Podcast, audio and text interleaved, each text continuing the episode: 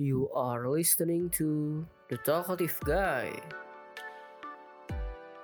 Halo, selamat pagi, siang, sore, dan malam untuk para pendengar The Talkative Guy. Selamat hari Rabu, waktunya kamu dengerin rekomendasi. Ketemu lagi sama aku Christine dan gue Viral yang akan nemenin kalian di episode rekomendasi kali ini.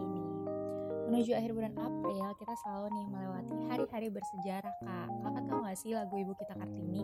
Wah, tahu dong ya, lagu karyanya WR Supratman ini kan udah jadi salah satu lagu dari lagu nasional kita. Tentunya pas banget dikenang, terutama di tanggal 21 April kayak gini. Betul banget, Kak. Bertepatan sama Hari Kartini tentunya, kita jadi keinget ya sama sosok perempuan hebat yang memperjuangkan hak-hak kaum perempuan. Ya, biasanya akan ada perayaan khusus untuk merayakan Hari Kartini, seperti karnaval kecil, peragaan busana tradisional Indonesia, atau waktu aku sekolah dulu suka ada pentas seni yang mengisahkan drama tentang kehidupannya Kartini. Kalau kamu sendiri biasa ngerayain Hari Kartini dengan cara apa ya? Uh, sama sih kayak misalnya di sekolah gitu kan kita ada fashion show terus pakai baju batik foto gitu-gitu. Tapi yang ada drama tuh menarik juga sih kak di sekolahnya kakak. Nah bisa juga nih kita mengenang sosok Kartini di masa kini dengan cara-cara yang tadi gitu. Wah, menarik-menarik banget tentunya ya setiap kali kita masuk ke tanggal 21 April ini. Sekarang juga ada banyak banget loh sosok perempuan hebat yang inspiratif tentunya. Pas banget momennya untuk kita cari inspirasi dari sosok Kartini masa kini. Yap, benar banget. Langsung aja kita bahas rekomendasi sosok inspiratif Kartini masa kini.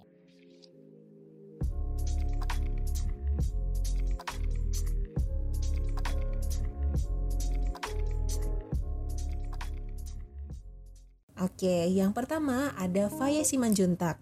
Instagramnya @fsmnjntk. Dari cantik yang satu ini merupakan cucu tertua dari keluarga Menteri Koordinator Kemaritiman dan Investasi, yaitu Pak Luhut Binsar Panjaitan. Pada tahun 2020 lalu, Faye itu terpilih sebagai salah satu anak muda paling berpengaruh dalam Forbes Indonesia kategori 30 Under 30. Nah, meski baru berusia 19 tahun, Faya ini sudah berperan sebagai aktivis hak asasi manusia khususnya bagi anak dan perempuan yang berasal dari Indonesia. Nah, ia ini mendirikan Yayasan Anti Perdagangan Anak sekaligus menjadi founder Rumah Faya di Batam. Rumah Faya sendiri merupakan sebuah organisasi yang berfokus pada pencegahan pelecehan seksual dan perdagangan manusia, serta rehabilitasi bagi korban-korbannya.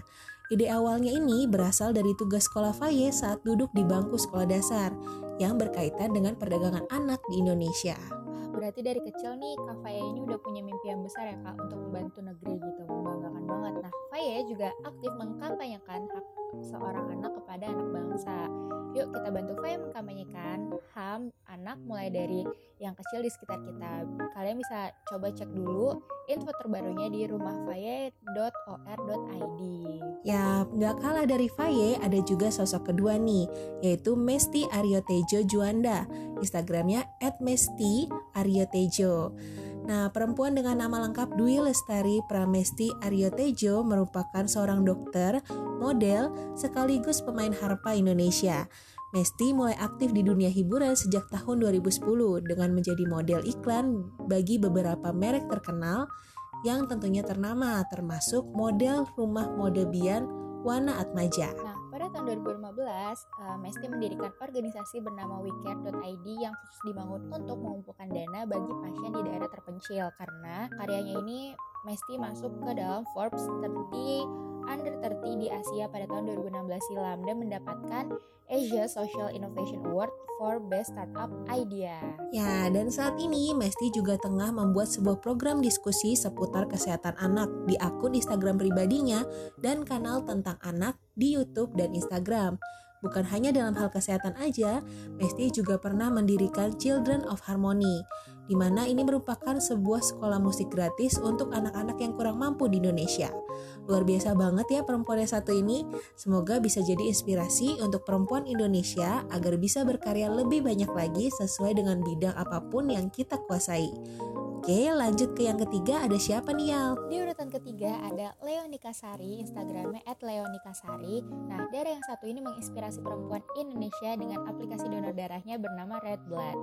Sejak SMA, Leo telah memiliki minat dan perhatian lebih pada mata pelajaran biologi dan komputer. Alih-alih menjadi seorang dokter, saat ini Leo justru dikenal sebagai pendiri startup, seorang sociopreneur muda yang uh, fokusnya menyelamatkan nyawa. Ya, meskipun sempat mengalami jatuh bangun di bangku kuliah saat Leo menimba ilmu di jurusan Sistem Informasi di Institut Teknologi 10 November Surabaya, nyatanya hal ini justru menjadi semangat baru bagi Leo untuk semakin belajar dan berkarya, hingga lahirlah sebuah aplikasi yang bernama Red Blood tadi berdiri sejak tahun 2015 ini bertujuan untuk membangun Indonesia yang lebih baik dengan menyelamatkan lebih banyak nyawa melalui donor darah. Berpegang teguh pada prinsip pencegahan lebih baik daripada mengobati, kini Red Blood telah hadir di Surabaya dan Jakarta bekerja sama dengan Palang Merah Indonesia dalam menggait lebih banyak pendonor terutama anak muda. Ya, jadi tunggu apa lagi? Yuk bantu Leo menyelamatkan lebih banyak orang dengan donor darah. Lanjut di urutan keempat ada Dwi Sasetia Ningtyas, Instagramnya at Sasetia Ningtyas. Perempuan belum genap 30 tahun ini merupakan sosok inspiratif yang bergerak dalam bidang lingkungan. Berawal dari kesulitan yang dihadapinya saat mencari produk ramah lingkungan, justru jadi ide bagi sosok yang akrab disapa Tias ini untuk membentuk sebuah bisnis bernama Sustaination. Ya, dan tidak hanya berorientasi pada keuntungan ekonomi, Sustaination ini juga bergerak di bidang sosial.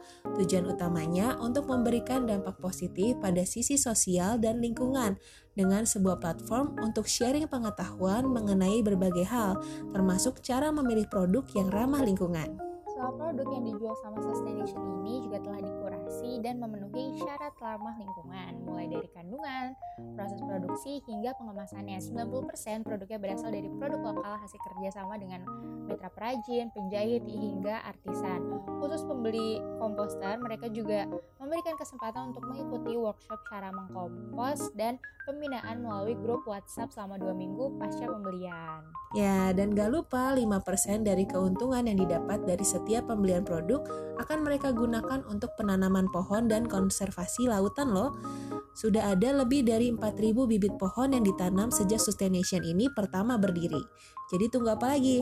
Yuk bantu Tia selamatkan bumi. Lanjut, last but not least, di urutan kelima ada Sweetenia Puspa Lestari. Instagramnya at Sweetenia Puspa. Nah, bukan hanya Tias yang bergerak di bidang lingkungan, perempuan cantik bernama Sweetenia Puspa Lestari ini juga mencuri perhatian publik karena masuk dalam daftar 30 Under 30 Forbes Asia tahun 2020. Sosok yang kerap disapa Tenia ini merupakan founder dan eksekutif director dari Diverse Clean Action atau Yayasan Penyelam Lestari Indonesia. Ya, dan DCA ini merupakan sebuah platform organisasi untuk para pecinta dan aktivis bahari berawal dari keresahannya mengenai tidak adanya organisasi yang secara spesifik berfokus pada isu sampah di pinggir pantai dan juga di bawah laut. Maka Tenia pun mengajak kedua temannya, yaitu Adi Septiono dan Nesha Ichida, untuk membangun yayasan ini yang telah diresmikan akhirnya pada tahun 2017 lalu. Yayasan ini hanya berupa komunitas kecil, namun seiring berjalannya waktu, DCA kini telah memiliki banyak cabang yang tersebar di seluruh Indonesia. Nah, pada masa pandemi pun mereka tetap aktif bergerak menyelamatkan bumi melalui berbagai ruang pertemuan dan koordinasi secara online serta lebih fokus pada kampanye pengolahan sampah di rumah. Ya, kalau bukan kita yang peduli pada lingkungan sekitar kita, maka siapa lagi? Bumi bukan hanya untuk dinikmati, tapi juga harus dijaga agar anak cucu kita kelak bisa menikmatinya juga. Setuju banget Kak, mari lindungi bumi mulai dari sekarang bersama kita pasti bisa. Tiania dan Tia sudah mulai hingga langkah besar. Yuk mulai uh, sekarang ikuti mereka, nggak ada kata terlambat untuk sesuatu yang baik. Ya dan itu dia tadi rekomendasi toko inspiratif Kartini masa kini yang tentunya berguna banget sebagai motivator kita khususnya kaum perempuan untuk berani berbuat lebih banyak lagi. Jangan takut untuk memulai karena perempuan juga bisa. Ya, dunia butuh perempuan-perempuan hebat seperti mereka dan tentunya kalian semua para pendengar The Talkative Guy. Kartini pernah berkata, jangan pernah menyerah jika kamu masih ingin mencoba. Jangan biarkan penyesalan datang karena kamu selangkah lagi untuk menang. Selamat Hari Kartini bagi semua perempuan hebat di Indonesia. Teruslah berkarya di mana pun kalian berada. Jangan lupa untuk selalu jaga kesehatan juga ya. Betul banget. Bagi kalian yang ingin kasih komentar mengenai episode kali ini dan saran, apalagi kira-kira hal yang bisa direkomendasikan, bisa banget dengan cara DM ke Instagram kita at the underscore ID. Nanti bakal kita bacain di episode berikutnya. Jangan lupa juga untuk dengerin episode-episode lain dari The Talkative Guy. Hari Senin begadang sambil dengar candu bola, Selasa dan Jumat diskusi bareng Talk. Lanjut, hari Rabu kita cari inspirasi bareng di rekomendasi, Kamis horor dengan tak kasat mata, rayain malam minggu bareng Love on the Weekend, dan hari Minggu ngerumpi asik di Bicara Wanita. Nah, karena program The Talkative Guy itu ada banyak, biar nggak ketinggalan info terbarunya, jangan lupa klik tombol follow di Spotify kalian ya. Oke, sampai di sini dulu rekomendasi kali ini. Aku Christine. Dan gue Virial pamit undur diri dulu. See you on next episode. Bye-bye. Bye-bye. Don't forget to follow us on YouTube, Spotify, and Instagram at the Talkative Guy underscore ID.